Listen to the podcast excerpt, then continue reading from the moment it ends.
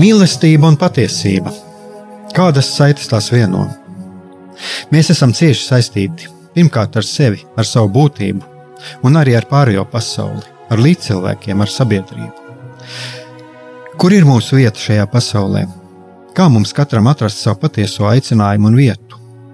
Kā sasniegt savas dzīves piepildījumu, mīlestību? Kādi šķēršļi gan mūsu sirdī un prātā sastopamie, gan ārējie aizķēso mūsu ceļu pie Dieva? Šie jautājumi ir mūsu dzīves sastāvdaļa, svarīgi mūsu ceļā uz svētumu. Meklēsim šajā raidījumā kopā atbildes uz šiem jautājumiem. Ieklausīsimies, ko Dievs mums vēlas pateikt ar visu, ko sastopam savā dzīvē. Lai mūsu sirds un prāti atveras mīlestībai un patiesībai. Raidījums mīliet cits citu.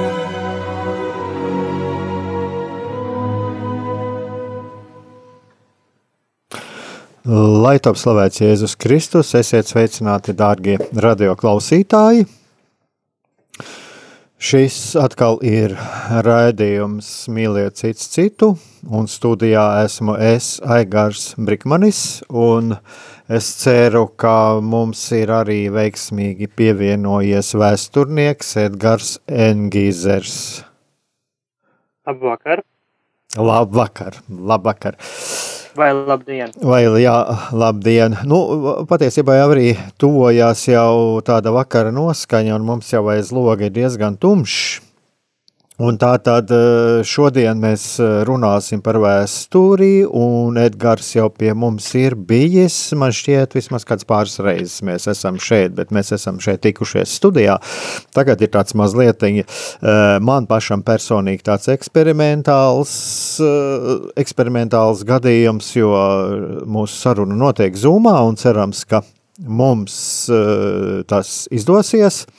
Un tātad šodien mēs runāsim par vēsturi, par vēstures mītiem, un es pat tā gatavojoties šim raidījumam, man mazliet arī radās tā doma varbūt arī par to, ka patiesībā arī daudz kas no, no vēstures, no mūsu pašu vēstures mums ir nezināms, un Un man šeit patiesībā arī uzrunāja vai ierosināja šo raidījumu veidot un uzaicināt tieši Edgars Engizeru tāds ieraksts pirms dažām dienām Facebookā, ko Edgars ierakstīja par, es eh, nolasīšu tādu fragmentiņu, ka mēs vēl šobaldien mēs nezinām, kā sauc Latvijas pagaidu valdības bruņoto spēku pirmo komandieri. Latvijas pagaidu valdības bruņotos spēkus ar latviešu, vācu un krievu vienībām, jeb Latvijas zemesardzi, izveidoja 1918. gada 7.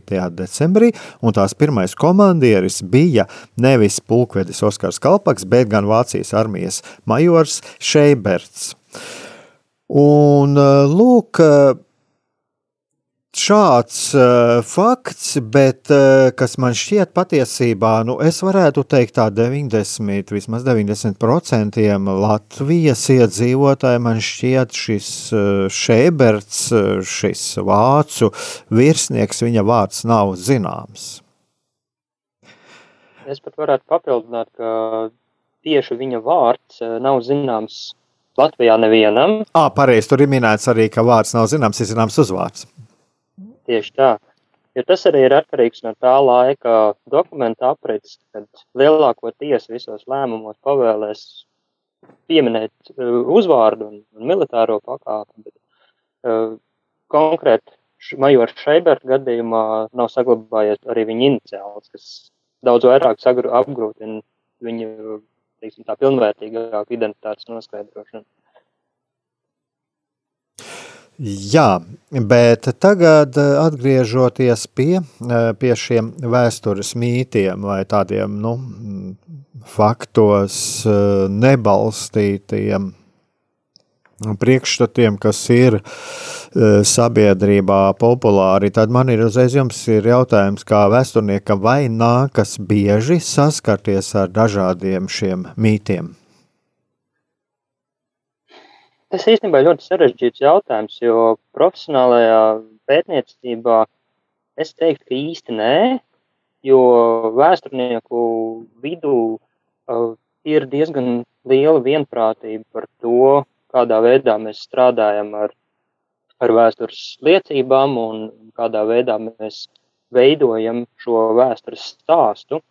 Uh, ja mēs runājam par tādu sabiedrības līmeni vai sabiedrības informētību, tad es teiktu, ka mēs ar mītiem saskaramies ikdienas un ik uz soļu, jo tas ir arī atkarīgs no zināšanu kopuma, kas uh, šajā gadījumā mēs runājam vairāk par vēsturi, bet, protams, šobrīd mēs tieši to pašu varētu attiecināt arī uz, uz medicīnu, arī uz fiziku, arī uz ķīmiju un citām zinātņu disciplīnām.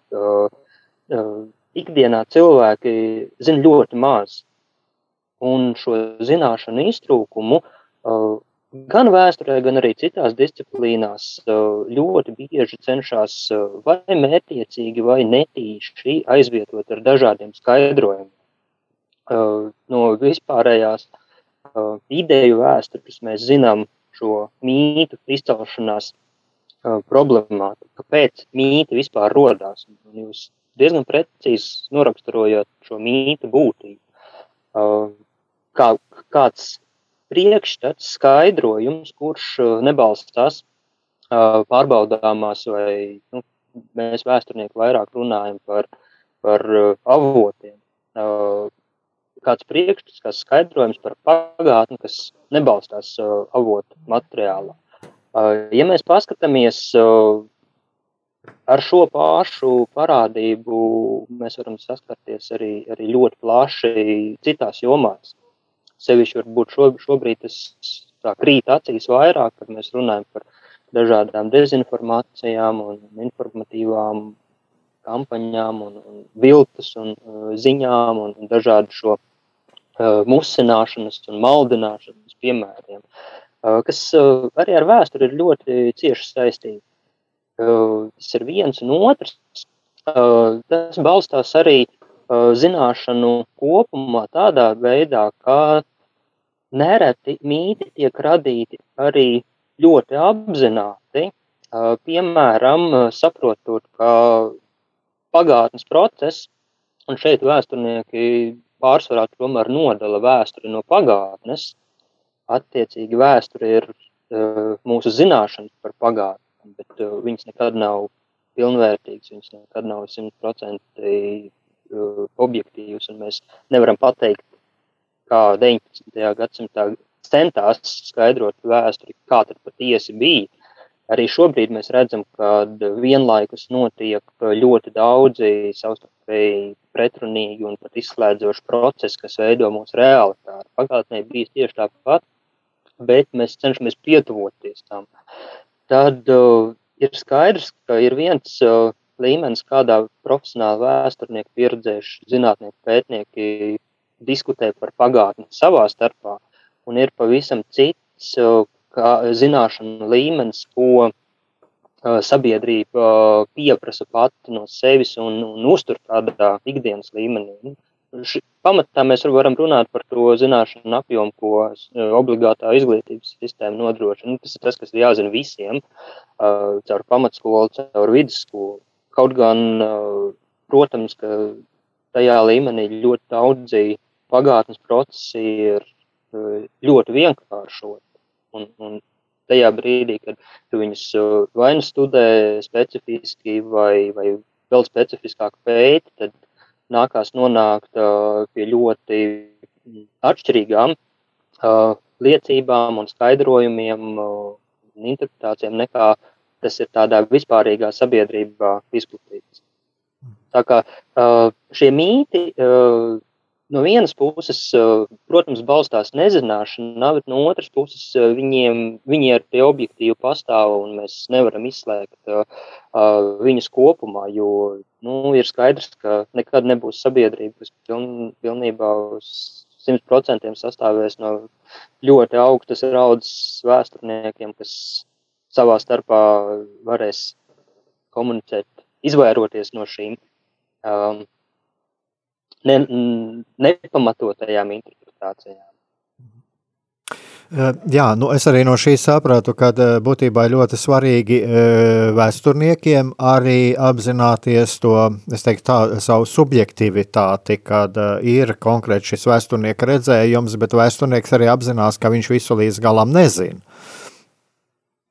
Varbūt tā ir arī galvenā atšķirība starp profesionālu zinātnieku un, un amatieru interesantu. Kad, uh, arī vēstures studijas uh, diezgan daudzi jaunieši uzsāka ar, ar tādu domu, ka viņus ļoti interesē vēsture, viņi visu zina un cenšas padziļināt kaut ko, uh, materializēt šīs savas zināšanas, un, un jau pirmajā kursā viņi saprot, ka patiesībā tas, uh, ko viņi ir iedomājušies, ka viņi zina, ir ļoti tālu no tā, kas pagātnē patiešām ir noticis. Un, vai, vai vismaz no tiem priekšstatiem par to, kas ir noticis, kas uh, ir jau gadu desmitiem izkristalizējušies uh, profesionālas pētniecības ietvaros. Tas varbūt tās arī ir tas, ko vēstures studijas uh, uh, dod vis, vislabāk, ir šī um, bāze avotu kritikā un, un spēja strādāt ar vēsturiskiem dokumentiem, vēsturiskām liecībām, kas uh, lieta nodara arī tiem, kas uh, savu profesionālo dzīvi nesaista tieši ar vēstures zinātni, bet uh, atrod sev uh, vietu kaut, kaut kur citur. Bet, bet šis uh, skatījums uz uh, norisēm, uh, kā uz ārkārtīgi sarežģītām parādībām, sabiedrībā un uh, spēja kritiski izvērtēt uh, informāciju.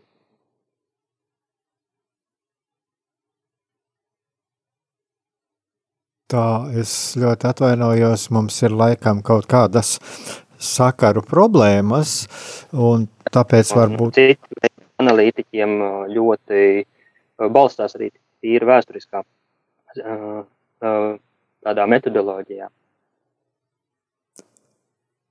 Tā varbūt paņemsim kādu tagad muzikālu pauzīti, un tad varēsim tālāk turpināt.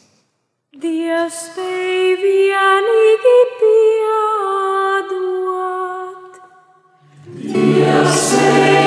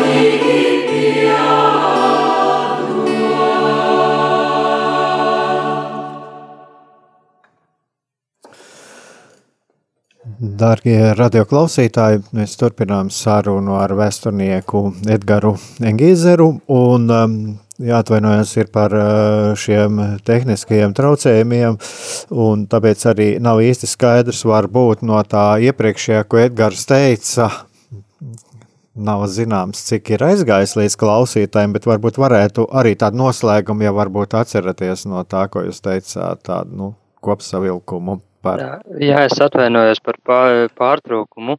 Um, tas kopsavilkums bija tāds, ka uh, mēs nekad vēs, uh, nedzīvosim vēsturnieku vai, vai mediķu vai pilnībā fiziķu sabiedrībās. Un, uh, cilvēki zina kaut ko nedaudz no visām dzīves jomām, ar kurām viņi saskarās.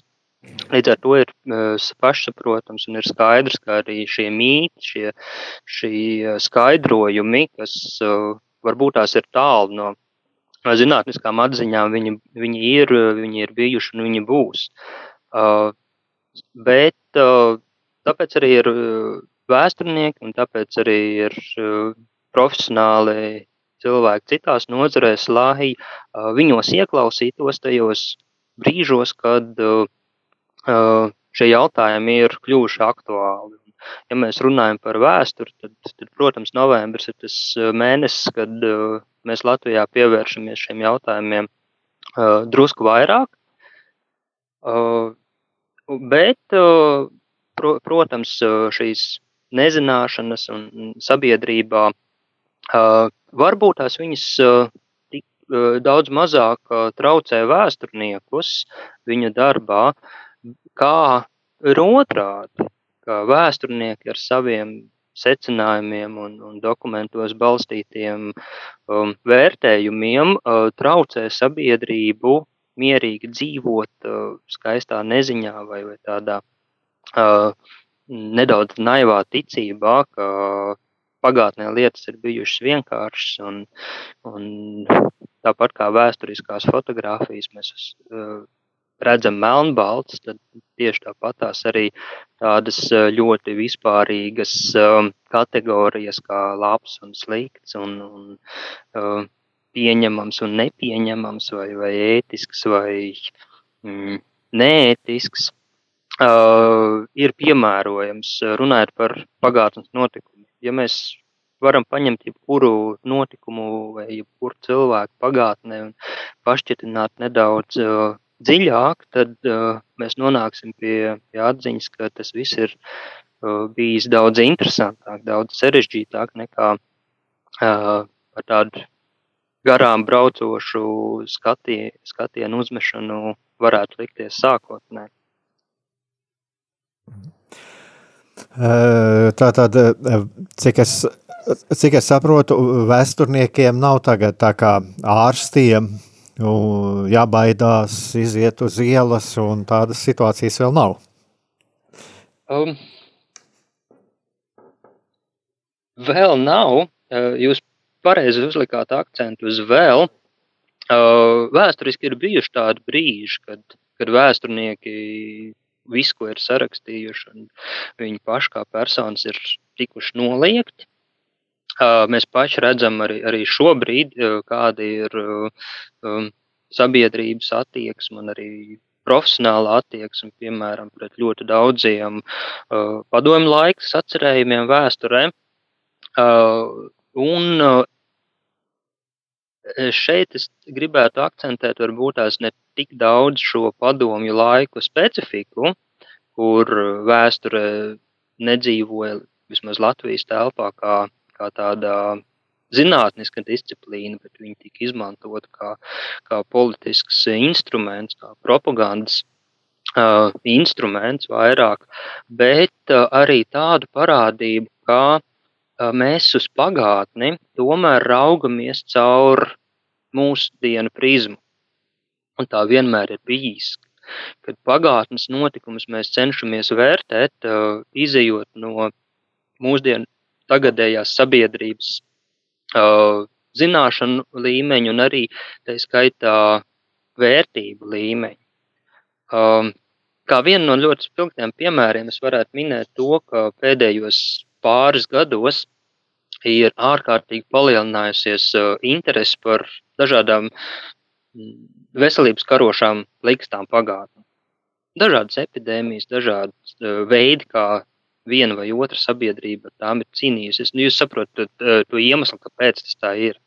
Tādēļ, ka šī problēma ir aktuāla šodien, un, un attiecīgi ar vēsturi, ar, ar šiem stāstiem par pagātni, cilvēki cenšas atbildēt vai izskaidrot dažādas norises mūsdienās.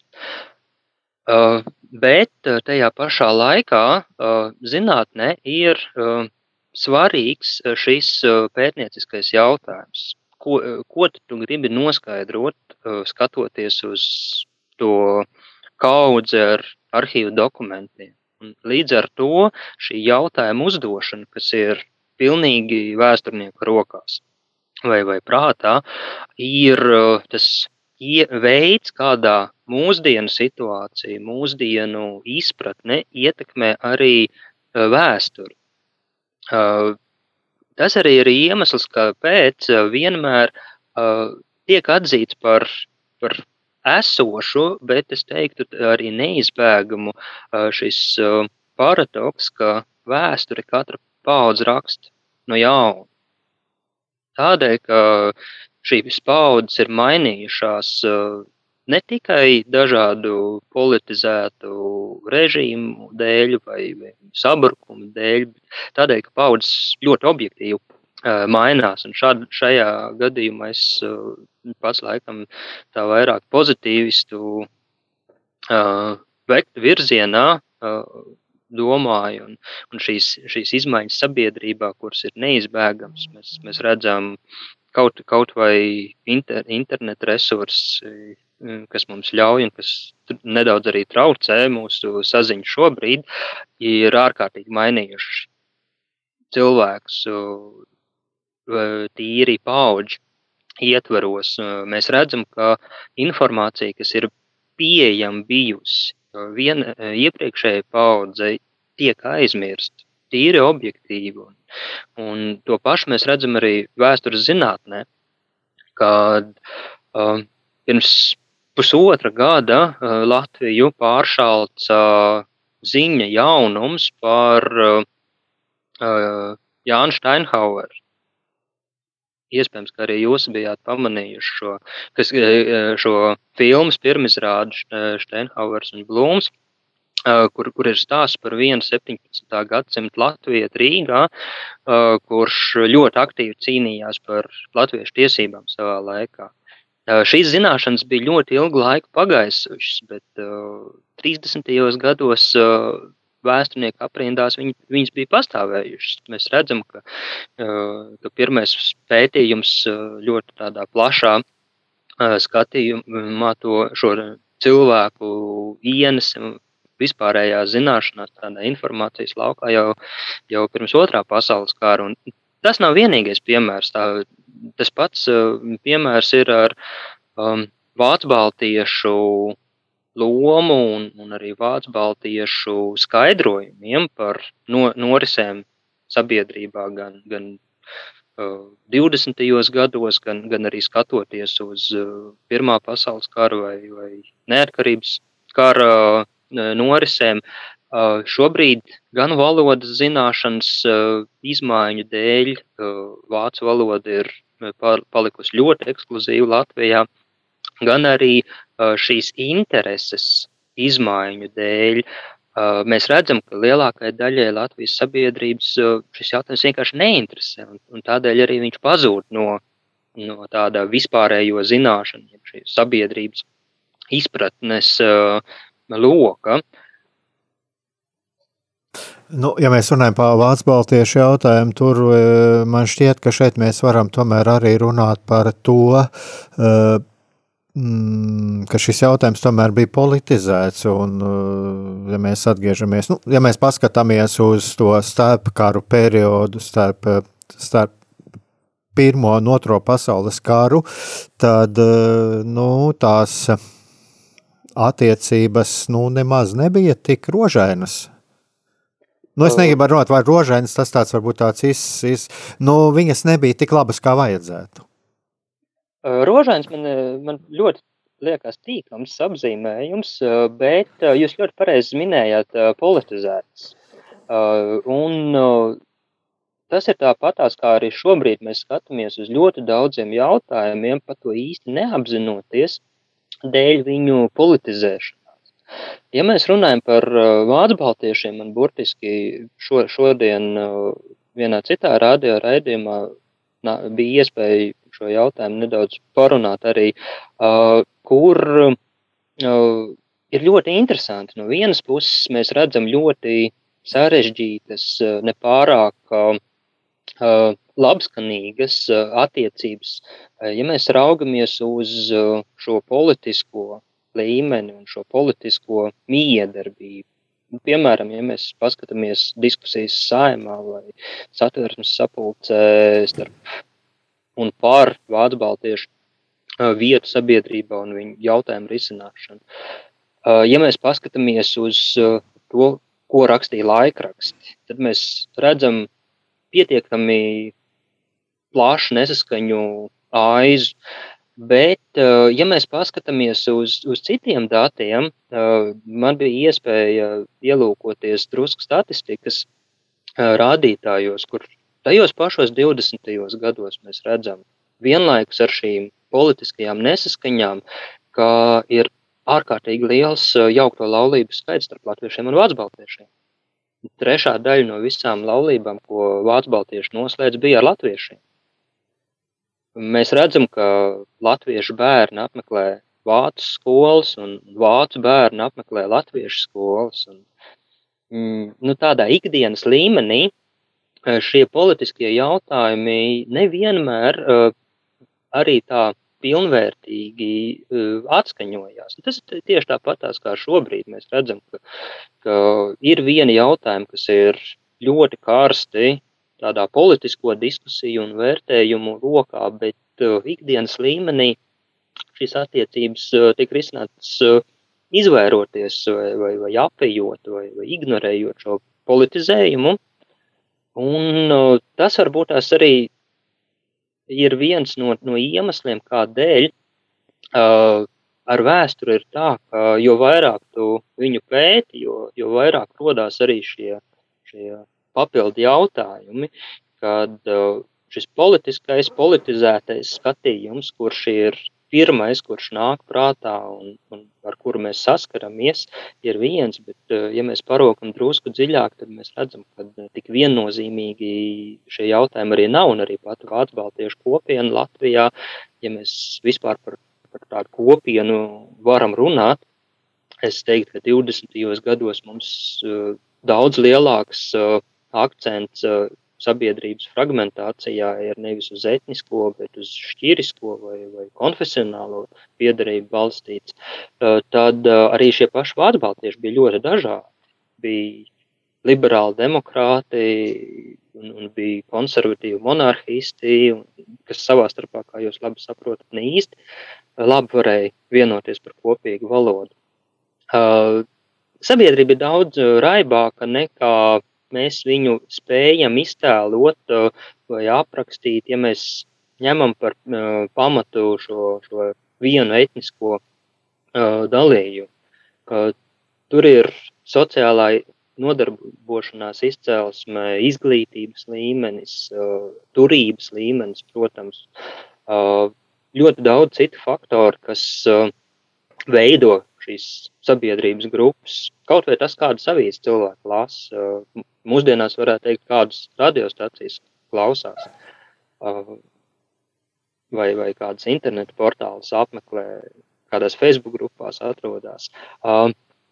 Jā, protams, sabiedrība ir fragmentēta, bet etniskais dalījums manā skatījumā sevišķi, ja mēs runājam par laiku posmu līdz 30. gadu vidum, kad tāds radikāls nacionālisms visā Eiropā no politisko laikrakstu virsrakstiem ieiet arī tādās plašākās masās, tad, tad šis pirms tam laika posms viennozīmīgi ir, ir daudz daudz krāsaināks un daudz šķautnāks. Jā, tā tad šeit man liekas, ir arī vēl viens jautājums, par ko būtu kādreiz interesanti parunāt. Tas ir tas, ka politika politika bieži vien ir daudz skaļāka, un es teiktu, tā viņa ir piebļāvusi šo uh, vēsturi un mūsu izpratni par vēsturi, bet tad ir uh, pārējā sabiedrība. Man šķiet, šeit arī ļoti būtiski ir arī tas, ka nu, es esmu pamanījis pēdējā laikā, tomēr tiek pievērsta uzmanība arī cilvēku liecībām. Tie cilvēki, kas ir dzīvojuši tajā laikā, kā viņi to ir izdzīvojuši. Un, piemēram, es pats no sevis pieredzes zinu, ka man ļoti interesē tieši to, ko par attiecīgiem laika posmiem ko ir rakstījuši tie cilvēki, kas ir auguši tajā laikā, kas ir uh, kas skatījušies no tā sauktā vienkāršā cilvēka pozīcijas, kur viņš eh, neuzsver kaut kādus savus varoņu darbus, kur viņš nes, neuzstājās ar kaut kādu savu uh, vērtējumu šai situācijai, bet viņš apraksta, kā viņš ir jūties, kā viņš ir dzīvojis un kas viņam tajā laikā bijis vajadzīgs. Nu, mūsdienās jau ir radusies vesela jauna zinātnes nozara, jauna disciplīna, sociālās atmiņas pētniecība. Uh, kur uzreiz gan ir jāpiebilst, uh, kas ir atšķirīgi no vēstures zinātnes, jo tieši šis uh, personīgais skatījums, kas, manuprāt, no tādas vēsturnieka perspektīvas no vienas puses paver ļoti daudz informācijas līmeņus, kuri nav atspoguļoti tādos klasiskos uh, vēstures dokumentos uh, vai, vai vēstures liecībās rakstītā veidā. Bet uh, tajā pašā laikā, protams, me, arī mēs vēsturnieki strādājam ar, ar atmiņām, ar memoāriem, ar, ar intervijām, bet uh, ir arī jāatzīst, ka atmiņa ir mēdz ļoti spēcīgi pievilkt. Uh, pirmkārt jau cilvē, cilvēkam, Es domāju, ka jebkurš no mums to var piel, pielāgot arī uz sevi. Mēs ļoti daudz ko aizmirstam. Gan kā sabiedrība, gan kā indivīdi. Otrakārt, mums ir tendence atcerēties vai nu ļoti sliktas, vai nu ļoti labas notikumus. Treškārt, ir arī daudz gadījumu, kad cilvēki kaut kam notic un atcerās šo skaidrojumu nu, varētu teikt, arī mītu, kā patiesi notikuši, kas, protams, neatbilst vēsturiskām reālajām, bet viņi ir tam noticējuši.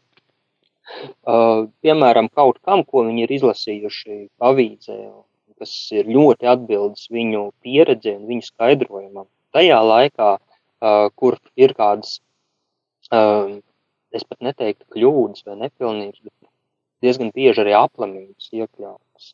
Uh, treškārt arī uh, tas, ko cilvēki atcerās, uh, balstās viņu pieredzē. Uh, šeit varbūt tās uh, ir vērts pieminēt vienu no tādiem uh, redzamākajiem, zināmākajiem mītiem Latvijas vēsturē par labajiem ulmaņu laikiem.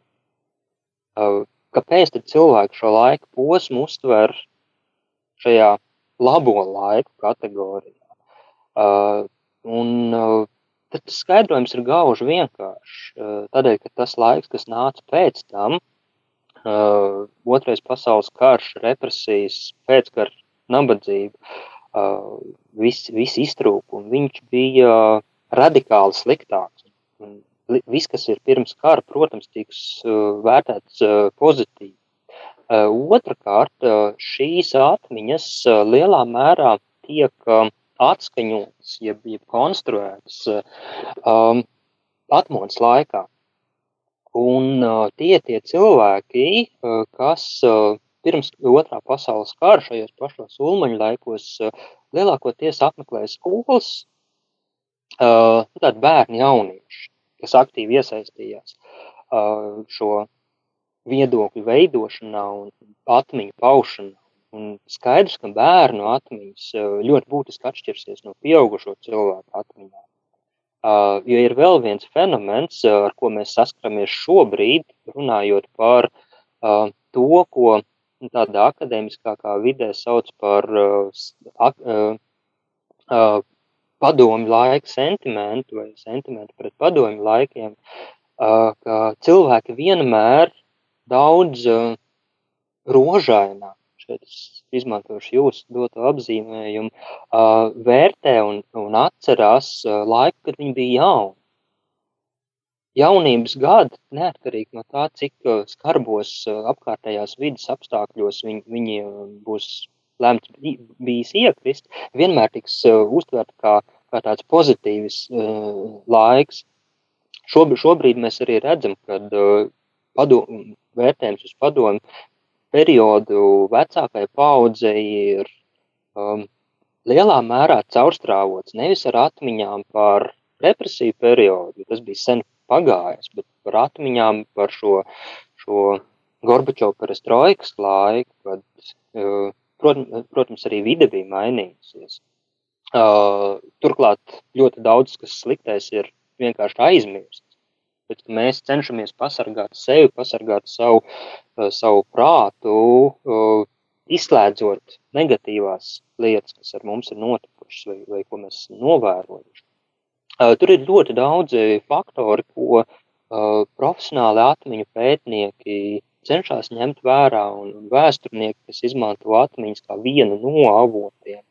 Un, kā jau teicu, pašā sākumā ir šī uh, avotu kritiskā pieeja vai, vai nu, tagad moderni saukt par kritisko domāšanu tādā plašākā uh, ziņā, tiešām iet uz, nu, ja tas viens cilvēks mums stāsta tādas atmiņas, ko tad vēsta trīs viņa radinieki vai trīs viņa kaimiņi, ko mēs varam atrast vēstulēs, ko viņš rakstījis tajā laikā, vai dienas grāmatās, vai, vai ko mēs varam atrast uh, arhīvā, kas ir saistīts ar viņu darba pieredzēm vai, vai šo procesu kopumā, ko viņš apraksta.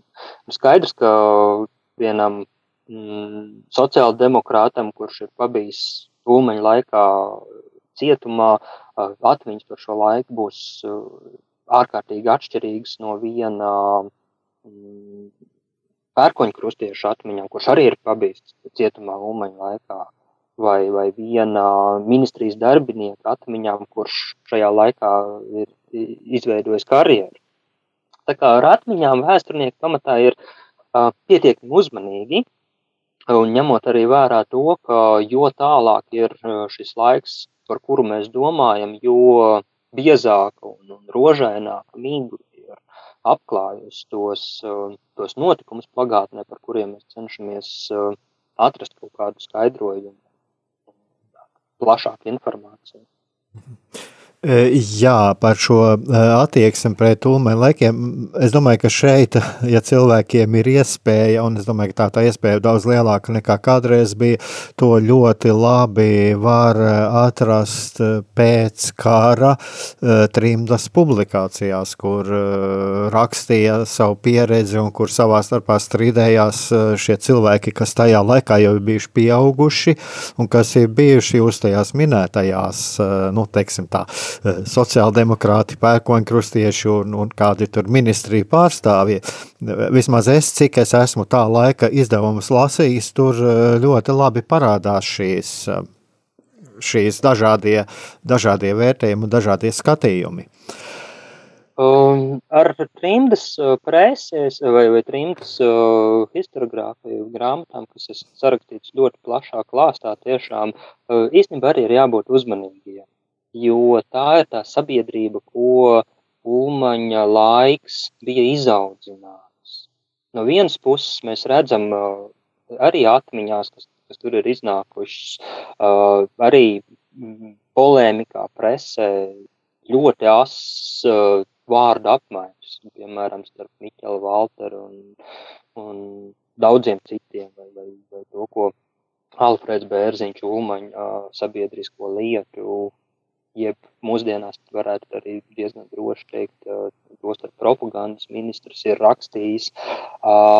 Mēs, bet, ja mēs skatāmies uz tādām nosacītī mazā cilvēka, tādā varā, varas sistēmā nenozīmīgu cilvēku atmiņām, tad tas ir laiks, kur arī tieši tāpatās kā padomi laikā izglītības sistēma bija ārkārtīgi politizēta, prese bija ārkārtīgi politizēta.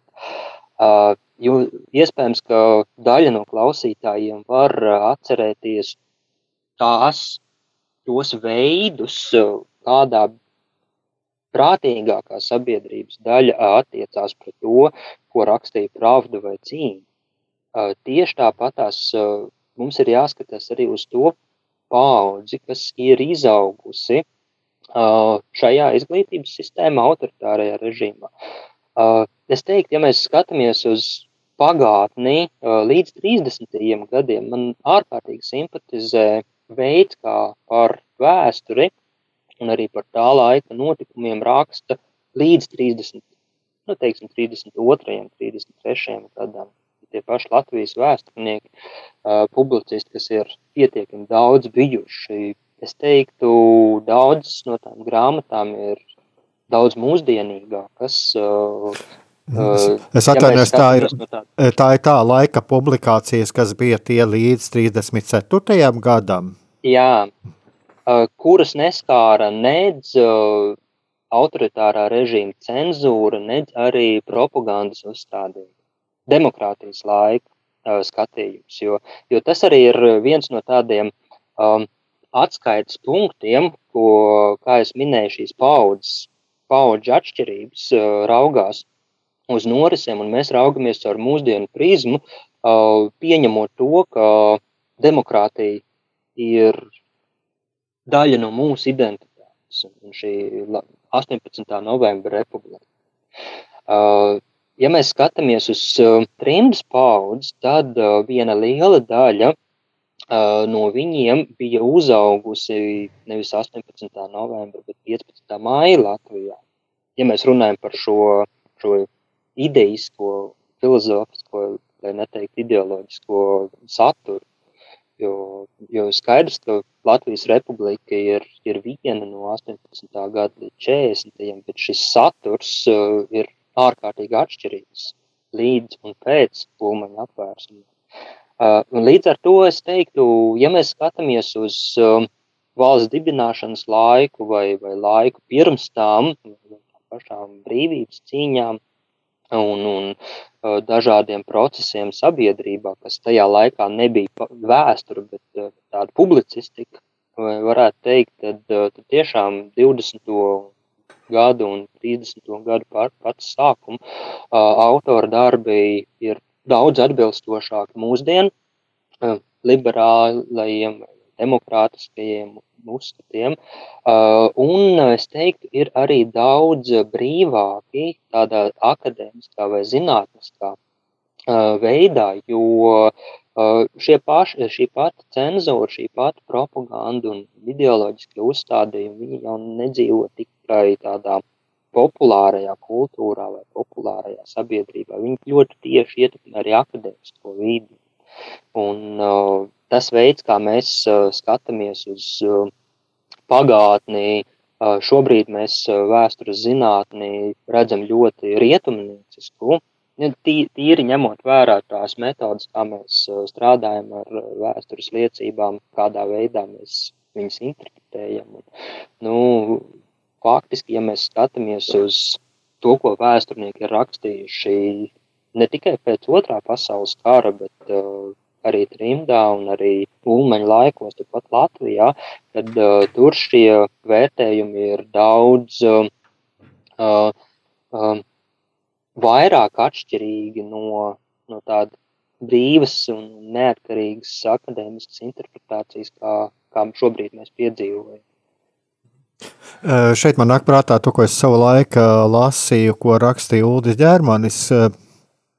Kurš, protams, par vēsturnieku kļuva jau vēlāk, un šis laiks pirms 34. gada, pats 34. gads, tas sakrīt ar pašu Ulda ģērmaņa tādiem jaunības gadiem, bet viņš jau trimtā būtams, viņš rakstīja tā, ka vēsture kā zinātne, bija līdz 34. gadam. Tālāk viņa vairs nebija kā zinātnē. Es tādu nevaru precīzi to pateikt, bet es atceros, ka viņš arī tādu lietu rakstīja. Protams, jā, tas, tas formulē vienā, vienā teikumā šo, šo manas izteikto domu tagad, uh, ir jāpatur arī prātā, kur Ulds ģermans dzīvoja. Tā sabiedrība bija daudz uh, mm, demokrātiskāka vai, vai varētu teikt sociāli demokrātiskāka nekā sabiedrība, kurā dzīvoja pēc otrā pasaules kara mm, spēka vai, vai aizsilnieks vai, vai, vai, vai citi uh, latviešu vēsturnieki trimdā, jo, jo pat arī trimda sabiedrība nav monolīta. Tur, ir paudžu konflikti bijuši, slavenā jaunās gaitas lieta, tur ir bijuši konflikti starp uh, uh, Eiropas un Amerikas trimdas sabiedrībām, uh, Austrālijas, Jaunzēlandes, uh, atšķirīgie tādi, tādi ideiskie kopumi, uh, pat arī trimta sabiedrība ir ļoti daudz, daudzšķautnē. Uh, varbūt tās tas ir bijis mazāk redzams, uh, ja mēs cenšamies um, cilvēkus salikt tādos plauktiņos. Uh, vai nu pēc viņas etniskās izcelsmes, vai nu viņa pēc atrašanās vietas, vai nu pēc kāda cita, tāda viegli identificējama kritērija. Bet viņi ir ļoti atšķirīgi. Tā skaitā mēs varam runāt arī par Amerikā dzīvojošu un strādājošu latviešu vēstures profesoru Andreju Plakanu, kas jau ir tuvāk mūsdienām, kurš ir pilnībā bijis tādā rietumu vēstures zinātnē, un ar trimdu sabiedrību nav bijis saistīts nemaz. Tāpatās mēs varam skatīties arī, arī citus latviešu, vai, nu, ne tikai latviešu, baltiešu vēsturniekus, kas uh, darbojās ļoti veiksmīgi Rietumu universitātēs, uh, bet trimdas sabiedrība viņus īsti nepieņem, īsti neatzīst, jo, ši, kā es teicu pašā sākumā, reizēm vēsturnieki ar saviem skaidrojumiem un, un atklājumiem traucē šīs sabiedrības mierīgo dzīvi, ticī, ticībā šiem, šiem mitoloģiskajiem, mītiskajiem pagātnes skaidrojumiem. Uh, viens no populārākajiem vēstures mītiem uh, ar 700 verdzības gadiem, kurš, manuprāt, jau gadu desmitiem uh, atpakaļ ir apgāsts, skaidrots, dekonstruēts un paskatoties uz uh, jebkuru tādu nedaudz specifiskāku jautājumu, nu, kaut vai uh, kurš ķoniņi vai, vai leimaņu vidzemē 17. un 18. gadsimtā. Nu, mēs redzam, ka um, sabiedrība ir ļoti uh, bagāta ar vienlaicīgiem procesiem, uh, vienlaicīgām parādībām un uh, nu, tāds vienkāršots, radikalizēts uh, pret kaut ko vērsts. Skaidrs, ka 700 jūga gadu kā mīts tika radīts vērsts pret uh, vācu baltiešiem. Un viņš savu uzdevumu pildīja ļoti ilgu laiku, tīri politisku uzstādījumu ziņā. Es, uh, tajā pašā laikā es, es pats esmu piedalījies arheoloģiskajos izrakumos 16. gadsimts, uh, kur zem uh, latviešu zemnieku apsēt. Tur nekas neliecināja par nabadzīgiem apspiestības gadiem. Tā bija ļoti bagāta sabiedrība, tā mhm. bija ļoti mm, vērienīga sabiedrība. Uh, un, un tas ir tas uh, brīdis, kad uh, mikrovēstures, šie, šie mazie pu punkti, uh, ko vēsturnieki ņem kā atskaiti, uh, ļoti bieži traucē cilvēkiem tā, tā mierī, mierīgi skaidrot, kas ir labs, kas ir slikts. Nu, Jā. tagad, tagad mēs skatāmies krievu, latviešu vai, vai uh, vāciešu, latviešu tādā, tādā ļoti radikālā etniskā griezumā. Ja mēs paskatāmies 20. gadus, tad uh, šis radikālisms nav mazāks, bet uh, tur parādās tādas mm, dzirksteles, tādos kopumos, kā šķiriskās attiecības, šķiru cīņa, kas gal galā tajā laikā ir, ir tāds ļoti nozīmīgs uh, sauklis un, un, un vadmotīvs. Mēs redzam to, tos pašus Latvie, Latvijas sociāldemokrātus vēl pat 18. gadā un pēc tam kā, kā ļoti rezervētus pret nacionālu valsti. Un, un tas varbūt tās ir, ir viens no mītiem. Es, es nezinu, cik uh, politkorekti man, man šobrīd to būtu teikt, bet tas ir arī tas mīts, ko mēs radam šobrīd, ka visi latvieši gribēja neatkarīgu Latvijas republiku 18. gadā. Nebūtu tā nav.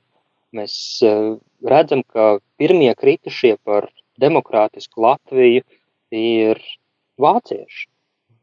Mēs, mēs, uh, kas, kas arī ir izslēgti no tādas kolektīvās atmiņas. Mēs, mēs redzam, ka um, krievi, vācieši latvieši plec pie pleca cīnījās pret bolševismu, par demokrātiju, uh, ne tikai uh, par, par tādu etnisku, bet, uh, bet tieši tas ir tas, ko mēs redzam arī satversmes sapulces darbības laikā, kad 20. gados Latvija tiek veidot arī kā valsts ļoti iekļaujoši. Jā, uh, es ļoti atvainojos, jau tāda raidījums Raidījums tuvojas noslēgumam, un mums jau te jau gatavojas, jau cilvēki gatavojas uz nākamo uh, Es ceru, ka mēs varbūt vēl varētu kādreiz parunāt un turpināt par šiem, par šiem jautājumiem, jo es jūtu, ka mums ir vēl ļoti daudz izrunājumu, un tā tad mēs eh, paliekam tātad pie tā, ka jā, kad eh, patiesībā šī sabiedrība, šī Latvija tika veidot ļoti iekļaujoša, un tā realitāte bieži vien ir, eh, nav tāda gluži, kā mēs viņu redzam.